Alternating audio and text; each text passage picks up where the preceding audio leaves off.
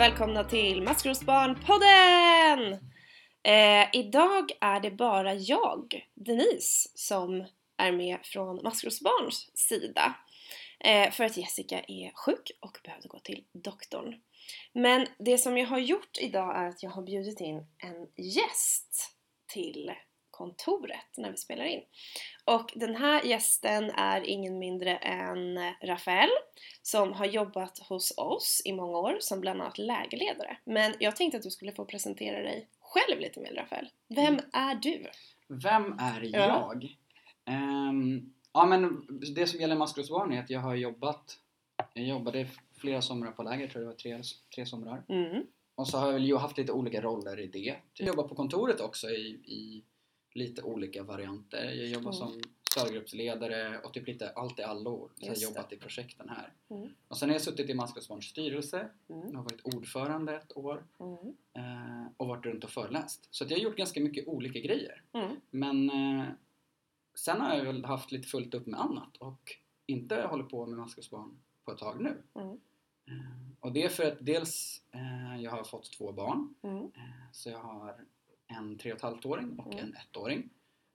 Och jag har pluggat till psykolog och Mm. tog min examen nu i januari. Mm. Och, ja, efter att jag fick barnen har jag inte velat vara borta och jobba som lä- lägerledare på somrarna. Och jag har inte heller haft tid att typ både plugga och jobba samtidigt. Mm. Så det känns skitkul att vara tillbaks. Mm. Väldigt roligt att du är gäst här. Och ni kommer ju förstå snart varför vi just har bjudit in dig till gäst. För att vi har ju ett tema den här veckan såklart. Men först ska vi göra någonting som jag inte egentligen behöver presentera för dig. För att du har ju gjort det här många gånger på lägret och säkert på andra ställen när du har jobbat här. Och vi ska göra en BTS som ju är botten, toppen, stolt. Yes. Och jag funderar på om vi ska göra en BTS för veckan som har gått. Låter Mm. bra? Vill du börja eftersom du är gäst? Yes. Eh, på rak arm. Dagens, eller veckans botten. Mm. Eh, vi har varit lite sjuka hemma, både jag och min fru och, och ungarna i omgångar. Så vi har varit lite slitna. Mm. Och hon, har hon jobbar som sjuksköterska och har jättemycket på jobbet typ. Och så när hon är trött och så blir vi trötta allihopa. Mm. Så det har varit lite segt. Ja. Ehm, toppen är... Eh, vi har börjat cykla en massa nu när Mm. det blivit vår. Alltså vi har köpt Mm. en här cykelvagn som båda ungarna kan sitta i. Så, eh, jag tror det var i torsdags så cyklade vi till Skansen och sen gick vi runt hela dagen. Då kunde man ha den här vagnen som barnvagn. Alltså Så är den, är den så där fram liksom? Nej, det är som man, sätter, man hänger på den bakom på cykeln och så kan ungarna sitta bredvid varandra där. Och sen när man kommer fram då sätter man på två hjul och så kopplar man loss den och då funkar den som en barnvagn med liksom handtag längst bak. Mm. Så vi kunde cykla till Skansen från Bredäng där vi bor och sen hänga runt där hela dagen Mm. och sen cykla hem. Så man får, ja men jag tycker det är så här frihetskänsla att vara, Mm. vara ute och cykla. Och man behöver typ inte ha något, något så busskort och så. Mm. Man gör som man vill. Och stolt. ehm, ja men jag är stolt över att jag typ gör saker som jag så jag tycker är viktiga för min, inte, jag vet inte vad jag ska säga, karriär, men så professionellt typ Mm. hör av mig till folk eh, och jag söker lite jobb och plus att jag eh, håller på och skriver på en grej som jag tycker är rolig. Så Mm. det, jag är stolt över att jag så här passar på att lägga tid på att göra sånt när, jag, när lilla barnet sover. Typ. Ja. Mm. Tack! Tack själv. Kul! Eh, oj. Veckans botten. Eh, det var nog igår. Fakt ja, för det är tisdag då, precis. Måndag. Det var igår för det hände värsta, jag blev indragen i, i ett drama kan man säga bland lite folk och eh, det var jättejobbigt. Jag fick väldigt mycket så här ångest över det. Eh, så det var väldigt jobbigt men eh, allting hänger ihop så min toppen blir då också att jag ser min egen utveckling i hur jag både så här hanterar mina känslor, eh, vågar känna mina känslor, vågar vara i dem liksom. Ehm, och det är verkligen en toppen för mig. Eh, för, jag ty- för mig är det viktigt att vara i ständig utveckling liksom. Så om det här hade hänt för några år sedan hade du reagerat helt annorlunda? Ja, då hade jag typ försökt fly från mina känslor tror jag. Och eh, inte ens tänkt att så här, nu känner jag så här. Mm. Det var väldigt coolt för jag kunde verkligen känna så här, nu blir jag arg och det är okej liksom. Modigt. Mycket modigt. Eh, och stolt blir ju lite samma sak. Att jag verkligen är stolt över mig själv som för jag tänker att det kan vara så jävla läskigt att vara i känslor Mm. för att man kan ju tro, särskilt när man får ångest så kan man ju tro att man kommer dö Mm. i princip. Eh, och också när man får så här fysisk ångest som jag fick, jag Mm. började skaka i kroppen och typ blev så kall. Mm. Är det vanligt eller? Att man blir kall? Ja, det kan det ju vara. Alltså, det. om du får en så stark ångestreaktion Mm. då triggar det igång en massa så här automatiska liksom, ditt nervsystem får Mm. din kropp att göra massa grejer för du förbereder dig på typ strid eller att fly Mm. och då kan det vara till exempel blodkärlen drar ihop sig och då kan man känna sig kall. Mhm. Sådana grejer kan hända. Det är typ skönt att veta att det där är normalt för jag Mm. bara varför skakar jag i köldattack typ? Mm. Ja. Det är kanske vanligare att man blir varm men alltså kroppen den hittar på lite allt möjligt som den tänker så det här är nu måste jag förbereda dig på strid typ. Och så Ja. sitter man så hemma framför datorn och blir så helt eh, hypad typ. ja. Eh, För att kroppen har ingen aning vad du håller på med. Den reagerar ju som om det stod en björn framför. För Ja. att det kanske är någon som är sur på dig typ. Men kan det vara, nu blir det lite sidospår men jag tycker det här är så spännande. Men, för jag känner igen att bli varm Mm. när man kanske blir nervös, alltså Mm. lite så svettig nästan Mm. och varm. Men kan det där kalla vara då att man typ sparar på energin? Kan vara. Eh, sen är det också så här om man tänker fobier till exempel. Ja. Det gör oftast att man får sådana här liksom uppåtreaktioner kan man säga som, som att man förbereder sig på att fly. Mm. Eh, men när man har blodfobi då blir det tvärtom. Just det. Eh, då kan det hända att man svimmar. Det, kan är den enda göra. fobin det här som Ja, precis. Eh, och då är det ju så här, vad man tror varför det är så är ju för att om man ser blod kanske man själv kommer börja blöda Mm. eller kanske ens eget blod man ser och då måste kroppen så här dra ner blodtrycket och så här dra ihop blodådrorna. Förbereda sig. Ja, men för att då ska man, blöder man inte lika mycket. Ja. Eh, Så. Men det är ingen som jag, vet varför jag det är så. kanske Men man har kanske, en fobi för känslor. Nej jag skojar. det kan väl vara som helst. Ja. Det kan ju också vara det ena som har smittat av sig på det andra. Ja, spännande. Mm. Ja, nej, men jag är i alla fall glad över, eller jag är också stolt över det att så här, jag vågar vara i mina känslor och eh, acceptera dem och uttrycka dem. Ja, det är inte skitlätt. Det har jag också skit. tränat på. Mm, Eh, För man får ju gå, när man pluggar till psykolog som jag gjort, Mm. då måste man gå i 50 timmar i terapi. Och det mm, där var ett jättestort tema i min terapi. mm, Att så våga känna mina känslor typ. Och mm. ibland uttrycker dem och ibland inte. Men inte Mm. gömma mig för dem. Du, har gått 120 timmar Mm. i terapi. Ja men det, alltså, det behövs ibland. Ja. Var liksom, även fast man kanske funkar hyfsat så för mig har det varit jättebra. Ja. För att Mm. de där grejerna hade jag inte klarat av innan. Mm. Just det där som du säger. Precis. Ja, men det, mina BTS blir alltid så himla deep. Men det får de vara, för jag är ganska deep. Eh, så tack!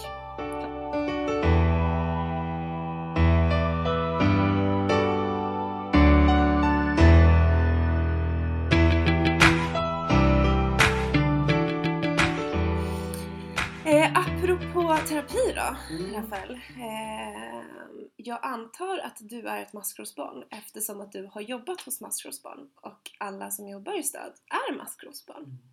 Och jag vet att det är många som har mejlat och eh, tycker att det är jättespännande att höra liksom, lite om folks historia. Så jag undrar om du skulle vilja berätta lite för oss om varför du är ett maskrosbarn, din Mm. bakgrund liksom. Ja men absolut. Eh, om det är som du säger, så vi är ju maskrosbarn alla som har jobbat Mm. med ungdomar så på det sättet. Och det var väl också någonting som gjorde att jag ville jobba för maskrosbarn för Mm. att jag fastnade verkligen för den tanken att så här, det här är inte bara några som har läst någonting i någon bok utan det här är som, som andra som också vet hur det är. Liksom. Och jag var ju 25 när jag började jobba för maskrosbarn och det var egentligen första gången som jag snackade med andra om, Mm. om alltså i, på det sättet i alla fall, så uttalat att ja, men jag har vuxit upp med missbruk och psykisk sjukdom i min familj. Mm. Och jag har ju också kört det här på föreläsning så jag kan prata hur länge som helst om Mm. det. Men eh, om man ska liksom säga kortfattat vad det är som liksom har ja, vad jag, hur, jag, har vuxit upp är att jag har haft missbruk i familjen. Både Mm. min, min mamma och min pappa och även min morbror har haft jättemycket missbruksproblem. Eh, både alkohol och droger. Mm. Eh, och sen så finns det också så här, psykiska, ni pratade ju om diagnoser förra veckan. Mm. Eh, min pappa fick en diagnos schizofreni. Jag har inte tänkt på det som, så här, det som huvudsaken. Men Mm. ja, han var, han var speciell. Eh, han trodde på saker som andra kanske inte tror på. Typ. Ja. Och när jag var liten tyckte inte jag att det var så konstigt. Men nu kan jag förstå varför han fick den diagnosen. När jag har liksom blivit stor och lärt mig mer om det. Och min mamma har diagnosen ADHD och Asperger. Mm. Eh, som hon fick när hon var 50 år. Så att vi har aldrig, hon har inte heller vetat kanske varför hon har Mm. tyckt att med grejer varit så svårt. Så jag tror hon är väldigt glad för att ha de här diagnoserna. Mm. Och det här är ju så här, både missbruk och de här olika diagnoserna och sen också eh, min pappa var föräldralös. Mm. Eh, växte upp på ett barnhem så här, på landet på 50-talet i Frankrike. Eh, de grejerna har väl gjort att de funkade inte så bra som föräldrar som, som man kanske skulle vilja.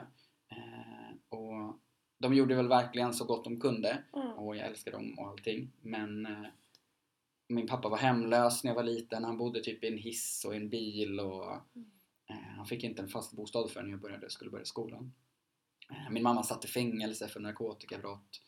Eh, de har gått igenom en massa skit och det har ju verkligen påverkat mig. Så jag kommer ihåg liksom som barn att jag vill inte ta hem kompisar och Mm. kände mig alltid lite så annorlunda och, och i vissa perioder var det också så här, jag hade typ konstiga kläder eller så här, det var så stökigt hemma och eh, min pappa bråkade jättemycket med sin tjej så där och ville jag inte vara typ. Mm. Så allt det här gjorde väl att jag mådde rätt dåligt som barn. Eh, Och i tonåren så var det liksom då tyckte jag det var skönt att, att hänga med andra som också var så struliga liksom. Mm. Så då var ju mina kompisar så här, de som höll på med droger eller de som tyckte det var kul typ att klottra eller göra så olagliga grejer. Eh, Det var skönt då liksom. Det var... De hade kanske inte gått igenom samma sak som jag hade gått igenom men då var det skönt att vara med några andra som ändå också kände att de var lite här fucked liksom. Att Ja. de, om man får säga så i Ja. poddradio. Nej men att de, de brydde sig inte. Men var det för att du var strulig eller var det för att du kände igen det där Det var, alltså, det var nog mer att jag kände igen det för att i Mm. alla fall hela högstadiet så jag gick i skolan, jag hade rätt bra betyg Mm. men, eh, men jag tyckte det var skönt att vara med några som inte var så vanliga liksom. Jag hade några Ja. vanliga kompisar också men, ja, men det var skönt att vara med några som också var struliga eller så här, hade det inte Jag hade inte så mycket framtidstro typ och det hade inte de heller fast jag höll aldrig på eh, det, här, det är faktiskt sant fast alla mina kompisar typ under en period höll på med så här, droger och Mm. jag har aldrig gjort det och jag var nykterist liksom och så här Mm. för att jag hatade verkligen det. Eh, och jag stod alltid så utanför och kollade om det var någon som gjorde något brott så här. Jag var aldrig med Ja. in typ. Ehm, men jag tyckte väl att det var skönt. Mm. Jag tyckte inte att det var spännande liksom. Jag tycker det är sjukt ospännande. Typ. Min fru vill kolla på så här kriminalserier och sånt. Jag tycker det är så ospännande för jag tycker liksom inte att det är... Ja, jag tycker inte det, jag Mm. inte. Mm. Det, inte, det lockar inte mig. För jag, det finns så mycket stök. Jag tycker inte det är så kul. Utan det, var det som drog mig var mer att så här, den här liksom känslan av att man är lite utanför, lite annorlunda. Mm. Och att man skiter i på något sätt att man kunde finna vänner. Mm. Men sen när jag blev lite äldre så styrde jag väl upp saker och ting. Typ. Eh, Vad var det som fick dig att styra upp saker och ting då? Ja, men det är en bra fråga. Jag vet inte, jag flyttade hemifrån när jag var 18. Mm. Eh, jag gick aldrig klart gymnasiet, vilket jag ångrar jättemycket. Eh, fast samtidigt kan jag känna att så här, det löste sig ändå. Mm. För då var det många som var så här, vad håller du på med? För jag hade ganska bra betyg och så, men jag skolkade jättemycket och Mm. typ var ute på nätterna och sådär. Men sen började jag jobba och jag gjorde lumpen och jag typ började enga- engagera mig i olika så här, föreningar. Mm. Eh, Och då hittade jag något som jag tyckte var lite meningsfullt att hålla på med. Och det tror jag var en jätteviktig vändpunkt. Liksom. Eh, Och började få lite annat umgänge. Mm. Det tror jag spelade stor roll. Eh, Och det var väl kanske någonstans där när jag var 20, lite över 20, som jag började liksom jag hade jobb, jag jobbade, eh, jag började plugga på komvux, jag hade skrivit högskoleprovet och så bra på det och kände att jag hade lite framtidshopp liksom. Och att jag också kunde Då jobbade jag inte så här, så handfast som jag gör med maskrosbarn, men jag kunde ändå göra något som, som jag kände så kunde hjälpa andra liksom. Mm. Jag ville, ville förändra saker. Eh, Och det var, alltså då kände jag att så här, det här är någonting som gör mitt liv meningsfullt. Och innan kände jag nog inte det så mycket för att det var mer så här, ja ja skitsamma, jag lever för dagen liksom. Mm. Eh. Och sen började jag jobba för maskrosbarn, jag började plugga till psykolog. Eh, Jag jobbade på, på en ICA-butik och så träffade jag en tjej där och det är min fru Mm. nu. Eh, Och nu har vi barn och så här gifta. Och men jag har typ en femårig högskoleutbildning som jag har klarat. Ja, Och det känns helt sjukt för det här är ju min dröm som jag kommer ihåg. Jag kommer ihåg här, ett av mina tid, tidigaste minnen var. Jag gick på dagis och så, så fantiserade jag om att jag skulle så här, vara vuxen och ha så här, fru och två barn och jag skulle bo i villa och så skulle jag vara ingenjör. Jag visste nog inte riktigt vad det Mhm. var för något Mm. men jag tyckte det var fint. Ehm, och skulle typ ha en hund och en bil och så här. Mm. Så här för att jag gick på dagis med villaungar och så här, jag tyckte det verkade så himla perfekt liksom deras liv Ja. och det var så allt som, som mitt liv inte var. Liksom. Känns Alltså, då, jag kommer ihåg de åren som jag har känt dig, Mm. vilket ju är ganska många år. Mm. Och så här, man lär ju känna varandra fint och pratar ju mycket om viktiga saker på Mm. läger. Kommer ihåg, det har alltid varit centralt med dig att du gillar så här, trygghet. Mm, Det har du alltid verkligen. pratat om sen jag Mm. lärde känna dig. Så här, Mm. Jag vill ha det tryggt, det ska vara Mm. ordnat, det ska vara bra liksom. Mm. Att det verkligen har varit Mm. eh, Nej, men jag, har aldrig varit, jag har aldrig sökt äventyr liksom. Det har verkligen inte varit. Utan det är den där tryggheten. Och det hänger väl ihop med hur man har vuxit upp. Och Ja. sen, mina föräldrar, många skulle ju nog tycka att de var så coola föräldrar för att de har, vi har rest en massa och så här, vi har verkligen haft äventyr. Men när jag var barn var det inte det jag längtade efter utan det var ju liksom så stabilitet. Och jag kommer ihåg till exempel på mellanstadiet, min mamma ville flytta till Gotland och hon drömde jättemycket om det. Hon ville flytta ut på landet och jag var jätteledsen för att det var så nej men jag vill gå i den här skolan Mm. som jag inte ens trivdes i men jag bara tyckte det var jobbigt för att jag ville inte jag vill liksom ha det lite så stabilt. Mm. Så nu har jag ju det, nu lever jag ju liksom Mm. så som jag ändå har drömt om. Och nu har jag också upptäckt att sen när man är, har det lite mer tryggt då vågar man också chansa på grejer på ett annat sätt. Mm. Så det är ganska coolt.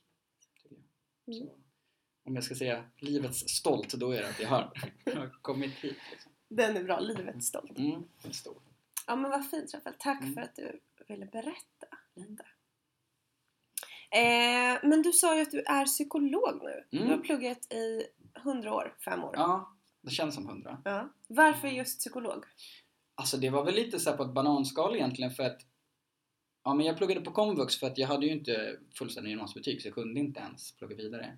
Och jag jobbade på ICA vilket jag tyckte var kul men det var helt fysiskt tungt. Jag Mm. jobbade i kylrummet med att lyfta mejerivaror. Jag lyfte så flera ton, flera ton ja, men, så här, mjölk och yoghurt och smör och grejer om Mm. dagen. Så att jag, alltså min kropp fixade inte riktigt det. Ja. Ehm, Så jag tänkte såhär, men nu ska jag börja plugga. Så jag pluggade upp mina betyg, jag hade bra på högskoleprovet. Och så tänkte jag, ja men jag ska bli något seriöst här. Typ som jag tänkte när jag var, ja, men typ som jag tänkte när jag var barn, att jag skulle Ja. bli ingenjör. Fast, Ja. fast kanske lite mer informerat. Jag hade lite mer koll.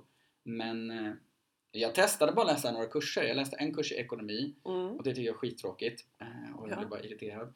Och sen läste jag en kurs i psykologi och det tyckte jag var jättekul och spännande. Och då upptäckte jag väl att det var någonting jag har funderat över Mm. alltid kanske, fast inte riktigt fattat kanske att jag, att jag var intresserad av psykologi. Mm. För jag alltid undrat så här, varför gör folk, varför håller de på som de håller på? Varför känner man som man känner? Och så här, hur, alltså, Mm. Jag har alltid varit fascinerad av det. Verkligen undrat liksom, hur funkar folk? Mm. Och, och det kanske också är naturligt när man har haft folk runt omkring sig som gör massa konstiga grejer. Mm. Att man också funderar över och försöker förstå dem. Mm. Eh, Så då när jag hade läst en termin, här fristående psykologi, då sökte jag psykologprogrammet på, på liksom Stockholms universitet på samma Mm. ställe. Eh, För jag tänkte också så här, ja men det här är en, det är en, så här, det är en bra utbildning, man kommer få jobb sen. Mm. Eh, Det är den där trygghetsgrejen. Ja. Och, och samtidigt så här kan jag också göra någonting bra. För jag funderar också så här, men jag kanske kan bli för jag hade betyg och kunde komma in och läsa typ ekonom på Handels som är så här, då kan man bli så här börshaj typ och här jättemycket Mm. pengar. Det lockade inte riktigt mig utan jag ville mer försöka göra något bra för andra människor. Liksom. Mm. Vilket jag tror jättemånga, inte alla kanske, men många som maskrosbarn har den där känslan att man vill hjälpa andra. Ja. Om jag tänker på de som jag har jobbat med här i alla fall. Mm. Eh, Ja, och sen jag, innan, jag visste väl inte så himla mycket om vad en psykolog egentligen var eller Mm. gjorde. Eller så jättemycket om psykologi heller. Jag hade väl läst någon kurs på gymnasiet typ. Mm. Så under utbildningens gång har jag väl lärt mig mer och känt att mer och mer att det var så bra val. Liksom, för jag tycker, tycker det är jättespännande. Mm. Men kan du inte förklara lite kort då? För det, det där vet jag, för jag pluggar ju till psykoterapeut nu. Mm. Och jag får ju jättemånga frågor så här, vad är skillnaden Mm. mellan en terapeut, en samtalsterapeut, Mm. en psykoterapeut och en psykolog och en behandlare? Alltså man får ju Mm. mycket så här, vad fan är vad Mm. egentligen? Och många ord är väldigt lika varandra också. Ja, man gör mycket liknande saker men några Precis. läser det och så. Men kan Mm. du inte förklara lite kort, vad är en psykolog? Ja, ehm, det finns ju lite olika, som du säger, så här, olika jobb där man jobbar med att prata med folk. Liksom. Mm. Eh, som psykolog så, det är ju liksom, man får en legitimation, eh, vilket betyder att liksom, precis som en läkare eller en sjuksköterska kan legitimera så kommer jag bli legitimerad psykolog när jag har Mm. jobbat i ett år. Eh, om jag gör allt som jag ska. Vad betyder den här legitimationen? Är det bra Den, eller? Ja, alltså det betyder väl typ att, att, man kan säga att staten har liksom extra koll på de som har de här yrkena när man får den här Mm. legitimationen. De ska man kunna lita på att de verkligen vet vad de håller på med. Mm. Och eh, att det liksom inte ska behöva, alltså har man fått den legitimationen då har man liksom klarat ganska högt ställda krav och Mm. då kan man också jobba självständigt eh, utifrån det. Mm. Ehm, så man ska kunna lita på att är, är någon legitimerad läkare då kan de liksom en massa grejer och är någon legitimerad psykolog så är det samma sak. Mm. Så det betyder väl att det är lite så här mer kontroll kan man väl säga än till exempel eh, en beteendevetare som kan många liknande saker men som inte har liksom, den där kontrollen och inte heller vanligtvis brukar jobba med, eller får jobba med Mm. behandling på samma sätt. Mm. Ehm, Sen finns det ju andra liksom, liknande ord. Mm. Det finns psykiatriker, de är läkare eh, som också har läst, inte psykologi men psykiatri som handlar, Mm. det är ju liksom läran om sånt som kan gå fel psykologiskt kan man säga. Mm. Eh, De jobbar liksom inom vården. Och sen så finns det psykoterapeuter och då jobbar man med det som du liksom läser, då jobbar man med behandling av människor som Mm. mår psykiskt dåligt på något sätt. Mm. Och som psykolog kan man göra massa andra grejer också. Vi får jobba med behandling, Mm. eh, men vi kan också jobba med, jag har till exempel läst ett och ett halvt år ungefär organisationspsykologi så man kan jobba med att så här, hjälpa arbetsplatser funka bättre eller typ hitta de bästa chefskandidaterna eller typ Mm. få en grupp och inte tjafsa med varandra. Mm. Vi har läst massa eh, utvecklingspsykologi, vi kan jobba med att göra utredningar. Eh, typ om så här, man kollar om barn utvecklas som de ska till exempel. Vi kanske Mm. pratat om ADHD och Mm. sånt när ni pratar om diagnoser. Mm. Eh, Som inte en psykoterapeut gör till exempel utan de jobbar ju bara med behandling. Mm. Så vi kan både utreda och behandla. Mm. Eh, Och vi kan också forska. Mm. Eh, Så det är lite bred, alltså psykologen är ganska bred. Man får ganska mycket av, det är fem år så man får, jag skulle säga lite av varje utan så mycket av varje. Så Mm. man kan jobba med ganska mycket olika grejer. Mm. Och de flesta kanske tänker att så här, nu ska jag träffa en psykolog, då är Mm. det terapi. Ja. Men vi kan också göra en massa annat Mm. runt omkring. Typ. Spännande. Jag fick faktiskt, nu när jag började plugga var första gången jag på riktigt förstod skillnaden Mm. mellan en typ psykolog mig. och psykoterapeut. Ja, alltså det tog jättelång tid. Och då var det just det här, ja ah, men okej, det som jag kommer göra det är bara behandlingen, samtalsbehandlingen. Mm. Och psykologen de läser organisation och ja, mer. Det är ju mer Mm. komplicerat, men för att göra det enkelt. Mm. Men vad spännande. Jo, så här är det att dagens tema är något så eh, peppigt som socialt och biologiskt arv. Och bli inte rädda och stäng av nu för att det låter konstigt och tråkigt, för det är skitkul. Och vi pratade ju förra gången i podden, jag och Jessica, om så här, eh, psykiska sjukdomar, personlighetsstörningar, olika typer av missbruk. Eh, och vi var inne på lite självskadebeteende som Mm. det ju egentligen är att ha ett missbruk också. Mm. Eller så här, man skadar ju sig själv på olika sätt. Och då, eh, det var jättekul att prata om det och det är ju det som så här, vi har gemensamt också att någon Mm. av våra föräldrar eller båda har något av de här problemen.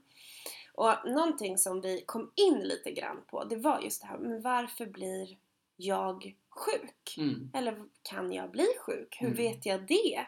Eh, bara för att min mamma är sjuk eller min pappa, kommer jag bli det då? Mm. För det här pratar vi så himla mycket om med ungdomarna som vi träffar. För många är jätterädda. Och redan när de är så ganska unga eh, har liksom inställningen att så här, ja nej men alla i min släkt är sjuk så jag kommer ju bli det så det är Mm. ingen idé. Liksom. Ehm, och det här tycker jag är så viktigt att prata om för det är ju inte riktigt på Nej. det sättet alls. Ehm, så det är därför vi har bjudit in dig. För att Mm. vi tänker att du kan en hel del om det här. Ehm, och det här kallas alltså då socialt och biologiskt arv, det som vi Mm. ska prata om. Mm. Så vad är biologiskt arv och vad är socialt arv? Ehm, det biologiska är ju liksom det som, är, det som man har fötts med kan man säga. Ehm, man ärver ju sina gener från sina föräldrar. Mm. Hälften från den ena och hälften från den andra. Mm. Och i de generna står det en massa grejer som påverkar hur du blir. Mm. Ehm, Typ Men- hur lång jag blir. Ja men precis, eh, sådana saker. Fast det kan ju också bero på andra saker. Och det, men, men till exempel hur lång du skulle kunna bli Mm. står. Eh, vissa grejer så här, hårfärg, ögonfärg, typ. Eh, sånt tänker man ju på som sånt som man verkligen är ärftligt liksom. Mm. Som bara är, det står i generna och så har man det. Eh, men det stämmer inte heller riktigt. Eh, vi kan komma in till det. Man kan jämföra med det. Och det sociala arvet brukar man prata om är det som man får från människorna man har runt omkring sig. Och jag, för att du föds ju med dina gener men det är liksom inte hela det bestämmer inte. Det är inte som att man bara föds och sen så bestämmer generna precis allt som kommer hända. Mm. För då skulle det inte vara någon mening med att uppfostra barn till exempel eller Så, för då Mm. skulle man ju vara helt färdig. Mm. Eh, Men så funkar det ju inte, det vet vi. Man kan ju ändras på massor med olika sätt. Mm. Eh, Och när man pratar om socialt arv, då socialt betyder ju från andra människor, men egentligen kan man prata om eh, alltså genetiska eller biologiska faktorer, alltså sånt som man har med sig i Mm. generna som man har ärvt. Och eh, miljöfaktorer brukar man prata om. Mm. Och miljö är allt egentligen som inte är generna, som Mm. inte är det som är medfött. Och det är dels det sociala, men det kan ju också vara om du växer upp- i ett område där det finns massa gifter, typ, då kanske det påverkar hur Mm. utvecklas också. Så det finns en massa sådana miljöfaktorer. Men när man pratar om missbruk och, och psykisk sjukdom, då tänker man ofta framförallt på de här sociala delarna Mm. av de här liksom, miljöpåverkan. Mm. Typ så. Och vi har läst ganska mycket om det här eh, på utbildningen och, och sen massa procentsatser och hej och. Mm. Eh, det är egentligen kanske inte det viktigaste utan det viktigaste är att man fattar att det inte bara handlar om det biologiska. Mm. För jag känner igen det där så väl med att man redan som barn tänker liksom att som mina föräldrar är så här då, då kommer jag också bli så här. Mm. För det var ju det som jag sa, jag var alltid nykterist, jag ville aldrig börja med droger för jag var livrädd att jag själv skulle bli missbrukare. Mm. För jag, jag vet inte hur tidigt men jag, i min hjärna har jag alltid vetat att så här, om mina föräldrar missbrukar då är det jättestor chans att jag blir det. Mm. Eh, och därför så var jag sjukt noga så här, så att det var extremt liksom. Jag blev jättearg någon gång när min mamma hade en kompis som skulle dricka en folköl till maten typ och då ville inte jag sitta vid samma bord. Alltså så, Ja. jag tyckte det var svinjobbigt. Mm. Och jag var jätterädd. Ehm, och på sätt och vis var det klokt fast så här i efterhand kan jag tänka att jag inte skulle varit så rädd Mm. utan bara medveten. Mm. Jag vet inte om det hänger ihop. Ja, men så där har det varit lite för mig. Eller jag var nog, jag var nog lite äldre än du när jag förstod Mm. typ. För att eh, jag hade nog inte den där, åh jag kommer bli det. Men Mm. när jag väl förstod att Mm. så här, men shit det här finns biologiskt arv Men, och mm, jag är ju lik min mamma på jättemånga sätt Mm. och min pappa Mm. och så här. Eh, och jag började höra ord från min mamma och pappas mun Mm. i min mun. Mm. Jag bara, men gud liksom. Och jag började märka likheter. Då blev jag jätterädd också. Mm. Jag bara, men tänk om jag blir alkoholist. mm. Eh, för att jag har det i mina gener, Mm. tänkte jag. Och Fast de där orden har ju inte generna. Det är ju ett Nej. typexempel på sånt som du har lärt dig. Precis, Men men, jag fattade ju inte riktigt så skillnaden. Och jag tänkte ju väldigt mycket så här. Ja men eftersom att min pappa är det och eh, eftersom att de här andra personerna i släkten är det eh, så kommer jag att bli Mm. det. Och jag blev också så ganska rädd. Jag kan få Mm. den där liksom rädslan lite. Ibland nu Mm. också när det är mycket. Mm. Eh, men jag tycker det är skönt att ha fått reda på det här som vi ska prata om. För Mm. min egen skull liksom. Mm. Men okej Rafael, hur, hur är det då? då? Så om, eh, om jag då till exempel har eh, en förälder som är alkoholist. Mm. Vad gör det med mig liksom? Jag förstår att det kan vara olika, men Ja, betyder det då att ah, nej, men det är 100% risk då att jag kommer bli alkoholist? Nej, verkligen inte.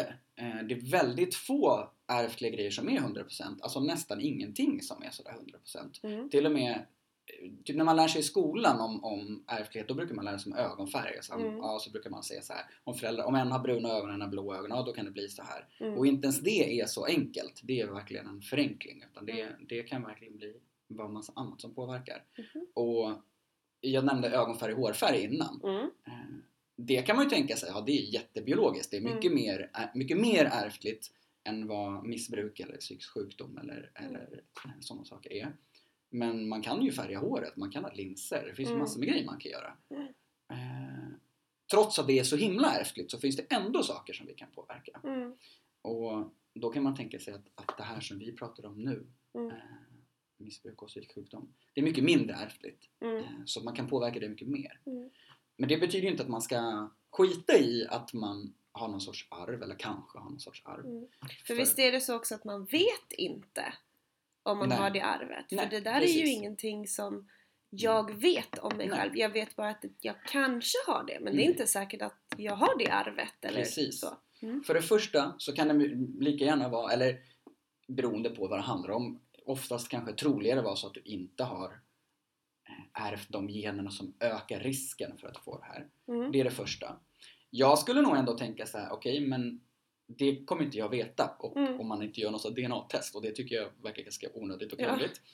Ehm, Men även om det skulle vara så att du har dem, även om vi låtsas som att, om, som att så här, jo, men jag vet att jag har gen, genet, liksom generna att jag Mm. har större risk att bli missbrukare. Så pratade vi, pratade vi just om, om risk. Eh, det är inte samma sak som att det kommer bli så. Eh, det är som att ja, men du slår en tärning med 100 sidor, ja, då finns det en risk att det blir 19, en risk att det blir 25. Liksom. Mm. Du kommer inte veta det. Mm. Eh, Men till skillnad från en tä- tärning så är det inte helt slumpmässigt vad du gör i ditt liv. Mm. Det kan ju du själv så här, tänka ut och bestämma dig för och andra människor kan hjälpa dig och, eh, och det, då kan du ju göra när risken pytte, pytte, pytte liten eller så att den risken liksom inte är någonting man behöver bry sig om. Mm. Eh, Så man kan göra som jag gjorde till exempel fast kanske man behöver inte vara så extrem som jag var men tänka så här, okej kanske har jag en högre risk att bli missbrukare i Mm. mina gener. Mm. Då kanske det är smart att jag är försiktig med sånt Mm. eh, och att jag är medveten om vad jag håller på med. Mm. Så. För att minska den eventuella Ja, den eventuella risken. risken. Precis. Men som det är inte säkert att det finns en sån Mm. biologisk risk. Men där kommer det sociala arvet in Mm. också. För att eh, vi vet ju att det finns eh, man pratar om missbruk som en sjukdom till exempel och Mm. många sjukdomar beror ju på vad man har i generna. Mm. Men många sjukdomar, andra sjukdomar eller samma sjukdomar eh, beror ju också på vad man gör. Mm. Som diabetes kan man få om man äter jätte- jättemycket socker. Mm. Eh, man kan också, man ofta hänger ihop samtidigt att man har någonting i generna. Mm. Men om man inte äter jättemycket socker så är det inte säkert att man får det. Eh, Men om vi tänker oss då att, att man inte vet, man, att man växer upp med någon som äter jättemycket socker och så får man Mm. godis varje dag. Eh, Då kanske risken ökar att du får diabetes Mm. eh, av det. Och samma sak kan det ju vara om du växer upp i en miljö där det är missbruk. Mm. Eh, Man kanske Och jag vill bara stanna vid det här med Mm. miljö. För vad menar vi med det? Då menar vi eh, miljön hos dem man bor hos. Mm, oftast Ja. när man pratar om socialt arv menar Mm. man det. Men det kan också bero på vilka du hänger med. Ja, typ skola, vilka kompisar man Ja, har. men som jag som bara hängde med knarkare typ ett tag, i, nästan, Mm. men i tonåren så. Eh, Det är ju också någonting som kan påverka. Ja. Men då har inte ärvt det. Det är Nej. inte socialt arv. Så när man säger socialt arv då menar man ju just det här uppväxtmiljön, Mm. föräldrarna, Mm. mycket så. Mm. Men de här andra miljöfaktorerna är ju är minst lika viktiga. ja. Det kan, kan också vara värt att veta. Eh, som jag tycker typ är lite tråkigt fast samtidigt är det här, liksom, man tänker på det här ganska bra. Föräldrarna spelar faktiskt mycket mindre roll för hur man blir Mm. än vad man tror. Mm. Eh, det finns jättemycket forskning på det här. Mm. Jag är ju pappa och för Mm. mig är det så här skitviktigt att vara en bra pappa och Mm. det är klart att det spelar roll. Men det finns också massor med andra saker som spelar roll. Så även om, om dina föräldrar eller mina föräldrar hade sina issues så är det faktiskt mindre viktigt än man skulle kunna tro. Mm. Det där blev jag så arg över när jag fick reda på Mm. gymnasiet för jag trodde inte på det där. För jag eh, gick på, eh, vi läste ganska mycket psykologi i gymnasiet, Mm. vi gjorde mycket så här tillvalskurser. Mm. För jag tyckte det var så kul. Det är. Och då sa vår lärare där och jag bara nej, det tror jag inte på! Nej. För att då var jag så himla in, alltså jag var ju sån Mm. symbios Mm. som betyder, ja, Man sitter nästan ihop. man sitter nästan ihop. Eh, Jag, jag satt nästan ihop med min familj Mm. och det liksom, den rollen jag hade. Så jag Mm. tyckte att allt jag gjorde hade bara med allt det de hade gjort att Mm. göra. Så jag trodde inte på det där så jag blev skitsur på vår lärare. Men Mm. nu har jag ju förstått att det är såklart att det är andra saker som har påverkat mig Mm. också. Liksom. Men det betyder ju inte att, det är, att, att man inte formas av hur man växte upp och ens föräldrar är. Mm. Eh, Men det betyder att du kan göra en massa grejer Ja. och välja en massa saker och få hjälp med en massa saker och Mm. det är viktigare Mm. faktiskt. Mm. Och det, så, så här, för mig, det här jag tycker som förälder att det är jobbigt för att Mm. här, jag har jättemycket kontrollbehov liksom. Jag vill att Mm. mina barn ska ha en perfekt uppväxt typ. Mm.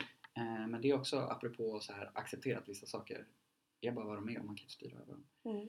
Eh, vad de kommer få för kompisar eller vad de kommer ha för idéer om livet, det kommer påverka kanske lika mycket som jag kan. Men, Men om man, om man analyserar dig lite då Rafael, Mm. för det är kul. Eh, I ditt biologiska arv Mm. så eventuellt, Mm. alltså kanske, så Mm. fick du med dig eh, eventuellt då en Mm. förhöjd risk att få något typ av missbruk. mm, Kanske. Och vad, vad kan du se som du, even, eller som du har fått Förfäktar med dig så, i ditt sociala arv då? Mm. Det sociala arvet? Jag tycker det, här, det svåra, det kluriga med det här är att det är jättesvårt att veta vad som är vad. Liksom. Mm. Men om du får Ehm, gissa lite, det Ja. behöver inte vara 100% rätt. Men om jag ska tänka på mm, ja, det sociala arvet. Grejen är att jag tycker jag är ganska olik mina föräldrar för de är så här. Eh, de har alltid varit lite så flummare liksom. De, har, Mm. de har liksom varit mer andliga och tänkte på så ödet och min mamma var jätteintresserad av horoskop och min pappa Mm. var jätteintresserad av så här schamaner och så här. Medan jag alltid varit så här jättefyrkantig typ Mm. och, och så här läst vetenskapstidningar när jag var barn och sånt där Mm. för att jag, jag vet inte. för gubbe. Ja men jättemycket så som Mm. Eh, och det var nog för att jag ville inte vara som mina föräldrar typ och det där Mm. tror jag är jättevanligt att man är så här tvärt emot. Mm. Men där, däremot så här, min mamma har alltid läst och pappa har alltid läst jättemycket böcker och det tror jag så att jag ärvt ifrån dem att jag älskar att läsa och skriva och sånt. Mm. Eh, Så det är sådana grejer. Men då vill jag bara stopp där. Ja. Och det där är ju då inte ärvt i generna. Att åh, i mina gener står det att jag älskar att läsa böcker. Nej, Utan det är väl då för att du har sett det precis. så många, många, många, många, Mm. många gånger under din uppväxt. Mm. Att det blir ett val, eller det blir Ja. ett alternativ för dig. Ja. Att man, man kan läsa böcker. Mm, och man det har varit det naturligt ofta. för mig. Så. Det Mm. har alltid funnits böcker. Eh, däremot kan det hända att jag har ärvt eh, en förmåga, alltså att vara bra på att läsa Mm. och skriva. Det, det finns ju biologiskt. Mm. Eh, inte läsa och skriva på språk. Mm. Eh, Det kan finnas biologiskt men, men så bokstäver finns ju inte i våra gener. Nej. De var uppfann vi för alldeles för kort tid sedan för att det ska kunna synas i generna. Mm. Så. Men sen så kan jag tänka mycket när jag tänker på, på mitt arv Mm. Eh, jo men socialt arv, ett exempel i och för sig eh, på det här med, i det här med missbruk är väl me- mer att jag så liksom alltid har tänkt på det så onaturligt mycket. Mm. Eh, Mm. jag dricker kaffe max en kopp varannan dag. Mm. Och det här vet jag är typ lite sjukt. Ja. Eh, för jag vill inte bli beroende av någonting. Det har alltid varit Mm. som min största skräck, att jag ska bli bl- beroende av grejer. Mm. Och när jag var yngre så höll jag på med massa så här knäppa grejer. Typ. Så jag vill inte vara beroende av någonting. Typ. Alltså jag typ, så att jag tyckte det var jobbigt att jag var tvungen att äta mat. Mm. Eh, och det är ju stört. Eller, tycker Ja. jag, eller så här, jag är, Mm. det jag så här i efterhand kan tänka så det var ju lite att gå till överdrift för att Mm. det måste man faktiskt ha.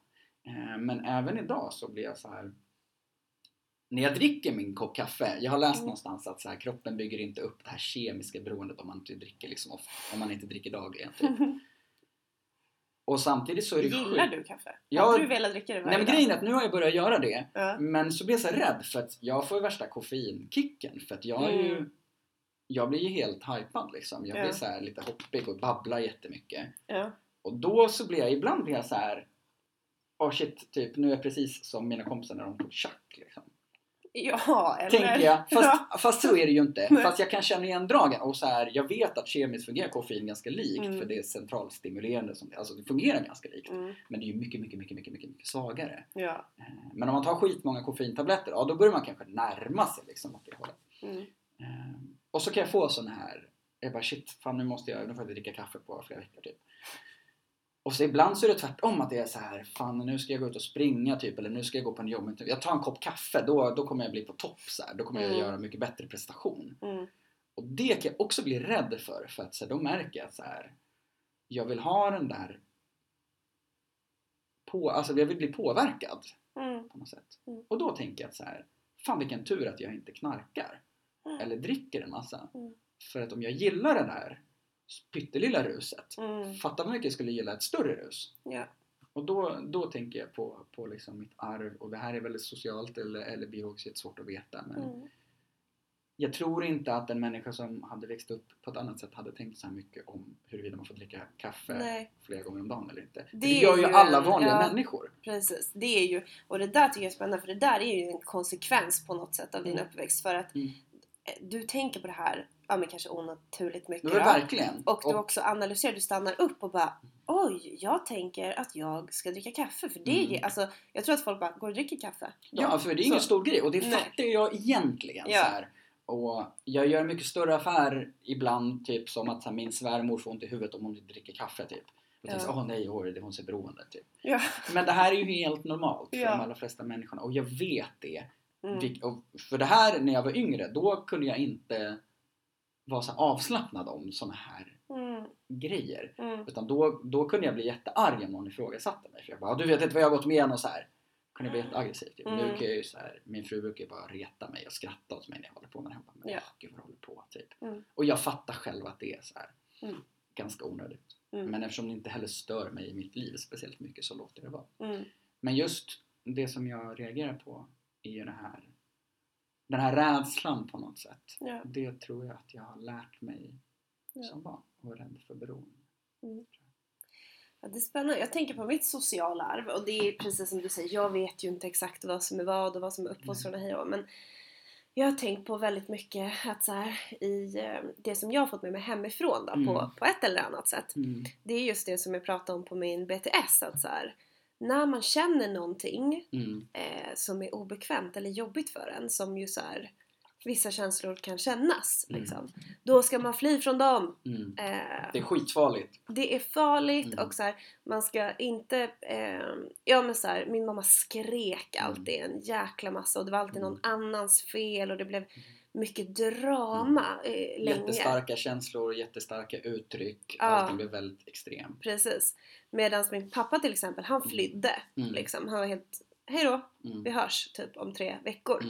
Mm. Ehm, och det märker jag att jag har fått med mig Mm. att så här, det där är ju naturligt för mig Mm. på något sätt. Och göra som han gjorde. och göra som han gjorde Mm. eller ibland, eh, jag känner nog Mm. som hon, äh, Mm. kaos! Mm. Men, det är jag visar inte mot det, utan Mm. jag skyddar det liksom. Mm. Och det tänker jag har fått med mig eh, mycket och jag Mm. hör ju mycket saker liksom som eh, som de har sagt i min mun Mm. typ. Och till exempel hemma, jag diskar alltid direkt efter maten Mm. Eh, på ett så här sjukligt sätt Mm. eller liksom helt oavslappnat Mm. knäppt sätt. Eh, och jag blir stressad i hela kroppen om jag inte gör det. Mm. Och då tänker jag ofta på mamma för att hon sa verkligen det till mig. "Åh, jag blir så stressad om jag inte får diska. Mm. Det är ju sån himla tydlig grej som jag har Mm. ärvt från henne på Ja. ett eller annat Och det, sätt. det där står ju antagligen inte i dina gener. Nej, att jag blir stressad om jag inte Av diskar. just disk liksom. För Mm. det, det har vi inte heller haft tillräckligt lång tid för att det ska kunna finnas i våra gener. Mm. Men lite, vi ska inte prata om det här i hundra år, Mm. men så lite kontentan är att man vet inte riktigt vad man får med sig Mm. i det biologiska arvet om man inte gör ett DNA-test och Mm. det kommer vi inte göra. Nej, det verkar rätt bökigt. Det är lite jiddrigt liksom. Så det kan finnas och det Mm. kanske inte finns Mm. där.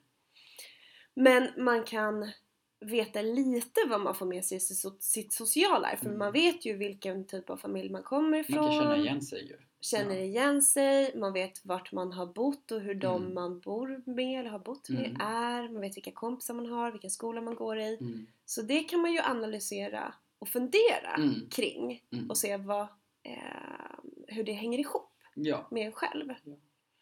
Och frågan är väl så här, varför ska man göra det då? Ja. Eh, Precis. tänker så här. För att hur, ibland kan jag tänka, och jag har ju alltid analyserat grejer så skitmycket och det är väl lite det som jag menar med att jag nog när jag började plugga till psykolog Mm. fattat så här, det, är något, Mm. för det är lite sånt man håller på med, så varför är jag som jag är och så här. Mm. Ehm, Men där finns nog också det här att vissa sa, ja, man kanske aldrig kan få svar på allting eller även om man kommer på sig, jag tror att det är så här av det här skälet. Mm. Det viktigaste är ju vad du gör sen. Ja. Vad gör vi? Vad gör vi med det? Så.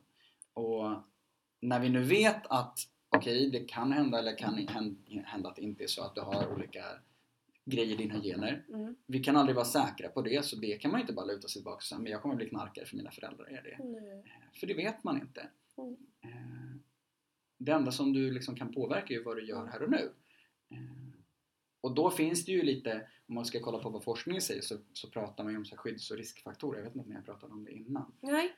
Ehm, när man, om, man, om man gör massor med grejer som är dåliga, alltså väldigt så förenklat, Mm. eh, då ökar risken att det här biologiska arvet, om man har det, att det, att det liksom utvecklas. Mm. Eh, att den här ökade risken du har faktiskt leder till ett missbruk eller någon sorts diagnos eller någonting. Eh, och det här sociala arvet som vi pratar om som är så himla viktigt, och, eller så här, de här miljöfaktorerna. Du väljer ju lite grann från att man blir lite större i alla fall, från att man kanske är tonåring, då kan man välja lite mer vad man är för miljöer. Man kan inte Mm. välja kanske vad man har för föräldrar, men kan man, man kan välja vad man gör sen. Mm. Om man typ hänger med, med så inbrottstjuvar eller om man Mm. typ gör något annat så här jätteseriöst. Och typ Mm. hänger i schackklubben eller vad vet jag. eh, man, alltså då har man ändå ett val. Mm. Eh, och när man pratar om skydds... Om man pratar om riskfaktorer så är det så här, det finns en massa olika som man vet om som liksom ökar risken. Mm. Både det biologiska men också risken som inte alls har med biologin att göra. Det kan ju vara till exempel Ja, till exempel att du börjar hålla på med alkohol tidigt. Mm. Eh, att man liksom inte tar hand om sig själv och sin Mm. kropp. Det är riskfaktorer. Eller att man umgås med människor som gör massa dåliga saker. Det är också en vanlig riskfaktor. Eh, och så kan man prata om skyddsfaktorer. Mm. Och det är liksom andra sidan av myntet. Det är när man gör sånt som, som eh, minskar risken, Mm. som ökar risken att, att man, eller ökar chansen att det går bra för en. Mm. Eh, och det kan ju vara, ja, men tvärtom då kanske att du umgås med att dina kompisar typ är, är så snälla och att man tar hand om varandra. Att man kanske har någon vuxen som är vettig eh, Mm. och inte bara massa knäppa vuxna runt omkring sig. Det kan ju vara allt från en familjemedlem till någon i skolan eller någon granne eller vad som helst. Mm. Eh, jättebra skyddsfaktor. Mm. Eh, sådana saker. Mm. Eh, att man typ tar skolan på allvar kan ju också vara en skyddsfaktor. Mm. Eh, att man skiter i skolan som jag gjorde, det kan Mm. vara en riskfaktor. Mm. Men allt det här är ju hela tiden Ingenting är skrivet i sten för att jag hade skitmycket av de här riskfaktorerna när jag Mm. växte upp. Jag hade, hade så här knasigt umgänge, jag sket i skolan, eh, jag hade väl ingen vuxen som var så superbra. Men det gick ändå. Mm. Och det är ju inte ett plus ett är två Nej, det är med det här så. heller. Det är ju inte så. Så det är inte bara för att man har alla riskfaktorer Mm. så kommer det gå till, alltså, utan det är ju Mm. vad man gör med det. Ja, och sen när jag blev äldre så tog jag bort många av de Mm. här och bytte och sen så ordnade det sig ju också. Precis. Så, Och det där jobbar ju vi med jättemycket på Maskrosbarn och vi ska prata mer exakt om vad risk och skydd är Mm. och coping finns det ett ord som Mm. heter också. Det finns så mycket ord. mm. Ehm, det, det ska vi prata mer om vid något annat tillfälle för det är också skitspännande. Men vi jobbar jättemycket med det på Maskrosbarn i allt vi gör egentligen. Att prata om de här sakerna. För att vi tror ju att eh, steg ett och sen nyckeln på något sätt, det är att få kunskap. Mm. Alltså, eh, för mig var ju det, och det sa jag i förra avsnittet också, när jag började läsa om de här grejerna var det som att så här, 17 poletter trillade Mm. ner och jag bara Jaha! Det är därför det är så här. Ja, och så här, om jag gör så här blir det så, det beror på det. Och för mig har det varit en nyckel att så här, kunna få information och kunskap och analysera Mm. Utifrån det istället för bara jag vet ingenting, jag fattar ingenting liksom. Eh, och det är ju som det här klyschiga talesättet kunskap är makt. Mm. För den här kunskapen gav mig makt, inte så mycket över situationen, men Mm. över mig i alla Mm. fall. Ehm, som sagt, och vi, och vi jobbar ju jättemycket med det här och många ungdomar frågar ju oss här, varför man blir psykiskt sjuk eller Mm. varför man får ett missbruk. Mm. Och för att inte gå in jättedjupt i det, för jag vet att det finns olika anledningar och det är ju lite av det här vi har pratat om Mm. och det kan ju vara trauman, alltså jättejobbiga saker som händer som Mm. utlöser och så. Men vi brukar ju säga till kidsen så här att okej, ja men nu är du ett maskrosbarn, Mm. jag är ett maskrosbarn, jag har kanske en massa riskfaktorer, jag Mm. kanske har ett förhöjt biologiskt arv eller inte. Mm. Och jag har ju garanterat ett socialt arv. Mm. Jag har ju sett hemma att man Mm. hanterar ju sina känslor genom att inte prata om dem, Mm. till exempel. Och eftersom att jag kanske har den här sårbarheten Mm. med mig, det kanske finns en risk för mig, Mm. då så är det extra viktigt att jag tar hand om mig. Precis. Och extra viktigt att du tar hand om dig Mm. och att, Och att alla andra, varandra. ja precis, alla tar hand om sig och varandra. Mm. För det kan man göra Mm. för att minska det här Mm. eh, eventuella arvet som man har. Så jag tänker att så här, eh, jag brukar prata med ungdomarna om den inre ballongen eh, Mm. som en så fin metafor typ. Att, tänk att alla personer har en ballong inom sig.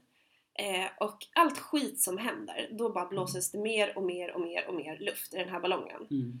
Men man måste ju pysa ut också, för Mm. till slut så klarar ju en person inte mer Mm. och då exploderar den. Mm. Liksom.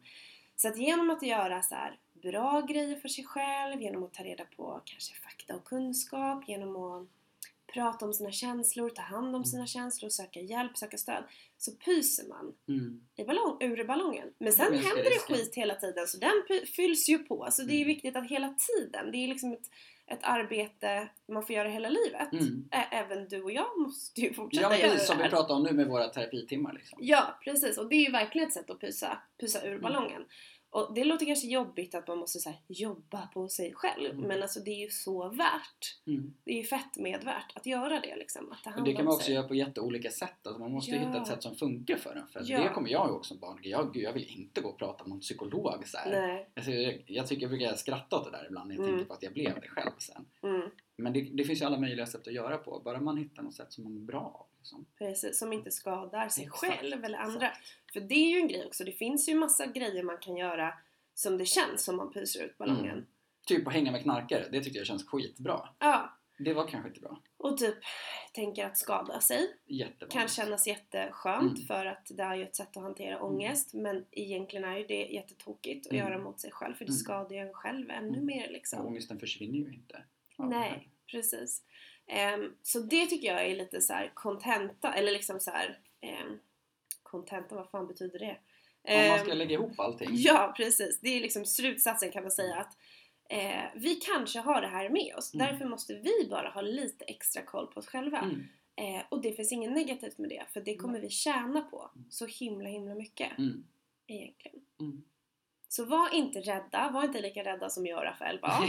Eh, man kommer inte, det kommer inte gå åt helvete liksom. Nej. Och det finns skitmycket man kan göra själv. Mm. Du har så himla mycket makt Mm. över ditt eget liv liksom. Det enda man inte kan göra någonting åt, det är ju vad som redan har hänt. Ja, Eh, vad du har i dina gener och vad som redan har hänt. Det kan man ju så älta och grubbla och prata om och analysera hur mycket som helst. Det kommer ju Mm. ändå vara vad det är. Ja. Eh, men allt annat som du har framför dig, det kan du ju faktiskt göra någonting åt. Och mm. det är ju ganska coolt egentligen.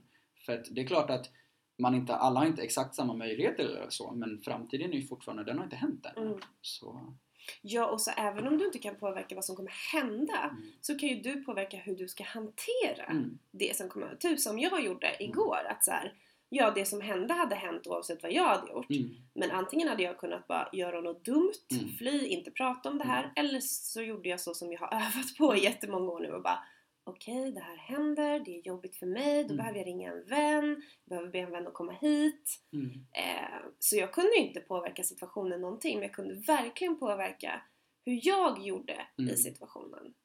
Eh, och det tycker jag är viktigt att komma ihåg, att här, man har jättemycket makt över sitt liv och hur man hanterar sitt inre. Mm. Även om andra gör dumma grejer liksom. Sen så får man känna att saker är jobbigt och sådär. Klart. Det, Eh, det ska man ju göra, man ska inte förneka sig Mm. den rätten liksom. Men det är ju något som man inte tänker på så ofta är ju att hur man Kanske inte exakt vad man känner men hur man tänker och vad man gör det är ju något som man kan träna. Ja. Eh, Man kanske tänker så här, men om jag vill bli riktigt bra på fotboll då tränar jag Mm. rätt, jättemycket. Men om man tänker sig jag vill bli riktigt bra på att klara av jobbiga situationer. Kanske, det är inte så ofta man tänker att det är något som man faktiskt kan träna på, Mm. men det kan man. ja, det kan man verkligen göra. Det är precis som vilken träning som helst. Mm. Ja, hjärngympa höll Ja, jag på att säga som en tant Ja. nu. Okej Rafael, har du någonting mer du vill säga? Jag tror inte det. Lyssnare? Ehm, nej men bara så här, dels typ om jag ska utgå ifrån mig själv. Även fast jag kanske gjorde allting fel under vissa Mm. delar av mitt liv Mm. och även fast massor med grejer runt omkring mig var så skit som jag inte kunde kontrollera Mm. så går det ju ändå, kan det ändå gå bra liksom. liksom. Mm. Nu tycker jag ändå att det, går, att det går så bra som jag skulle vilja. Mm. Och även om jag kan ångra ibland att jag gjorde fel så Dels tänker jag så här, det, det är aldrig för sent liksom att försöka göra annorlunda. Du kan Mm. inte påverka vad du redan gjort men du kan alltid påverka vad som kommer sen. Mm. Ehm, ja, det är väl typ det som jag tänker på. Mm. Ehm, man får lära sig av sina misstag typ och så får man försöka Mm. göra det bättre. Visst. Ehm, och misstagen, de har man redan gjort. De, de kan man skita i. Mm. Mer än att man lär sig. Och vi är inte våra gener och vi är inte våra föräldrar. Vi är inte ens vår uppväxtmiljö heller. Utan, Nej, vi är det vi vill. Ja, vi kan, ja, kan bli det i alla fall. Mm. Men du Rafael, tack så jättemycket för att du kom och Det pratade jättekul. om det här och om dig själv. Mm. Verkligen. Och då var podden slut för den här gången och nästa gång så återkommer jag och Jessica och kanske någon spännande gäst. Det får man se. Eh, ta hand om er, massa pussar och kramar. Hejdå! Hejdå!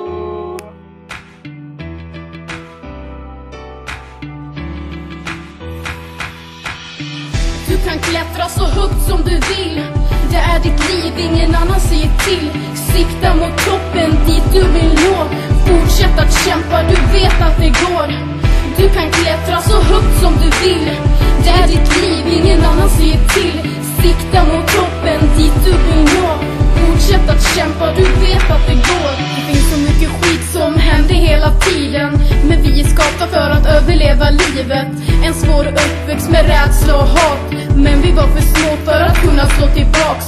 Gått igenom smärta och tårar dag för dag. Men vi lever än idag för vi är maskrosbarn Vi kämpar för att kunna ta oss vidare. Vi är starka, tillsammans är vi krigare. Vi borde inte skämmas, vi ska vara stolta.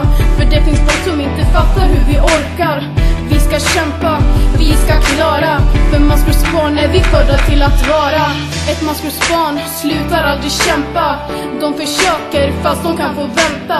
För det är det som gör oss starka och unika. Enskilda individer olika men ändå lika. Du kan klättra så högt som du vill. Det är ditt liv, ingen annan säger till. Sikta mot toppen, dit du vill nå. Fortsätt att kämpa, du vet att det går. Du kan klättra så högt som du vill. Det är ditt liv, ingen annan säger till. Sikta mot toppen, dit du vill nå. Fortsätt att kämpa, du vet att det går. Jag vet att det känns tufft, försök att blicka fram. Finns ju för att kunna ta hand om varann. Känner liknande känslor om hur kärlek blev hat. När dagarna blev tunga bestod av skrik och prat om det är en tröst har vi gått i samma spår. Även som det känns som ingen annan förstår Måste vrida in och ut på det som är ditt liv. Tänka efter vad du vill så du i hjärtat känner frid. Skapa dig en framtid, du är värd att må bra. Kolla på Therese och vad hon blivit idag. Hon har varit som du, legat i botten på ett hav Men kämpade sig upp och skapade maskrosbarn. Hennes ord är så sanna, precis som hon sa. Även om man mått väldigt dåligt kan man må väldigt bra.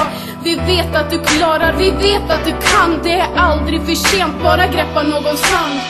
Du kan klättra så högt som du vill. Det är ditt liv, ingen annan säger till. Sikta mot toppen, dit du vill nå. Fortsätt att kämpa, du vet att det går. Du kan klättra så högt som du vill. Det är ditt liv, ingen annan säger till. Sikta mot toppen, dit du vill nå. Fortsätt att kämpa, du vet att det går.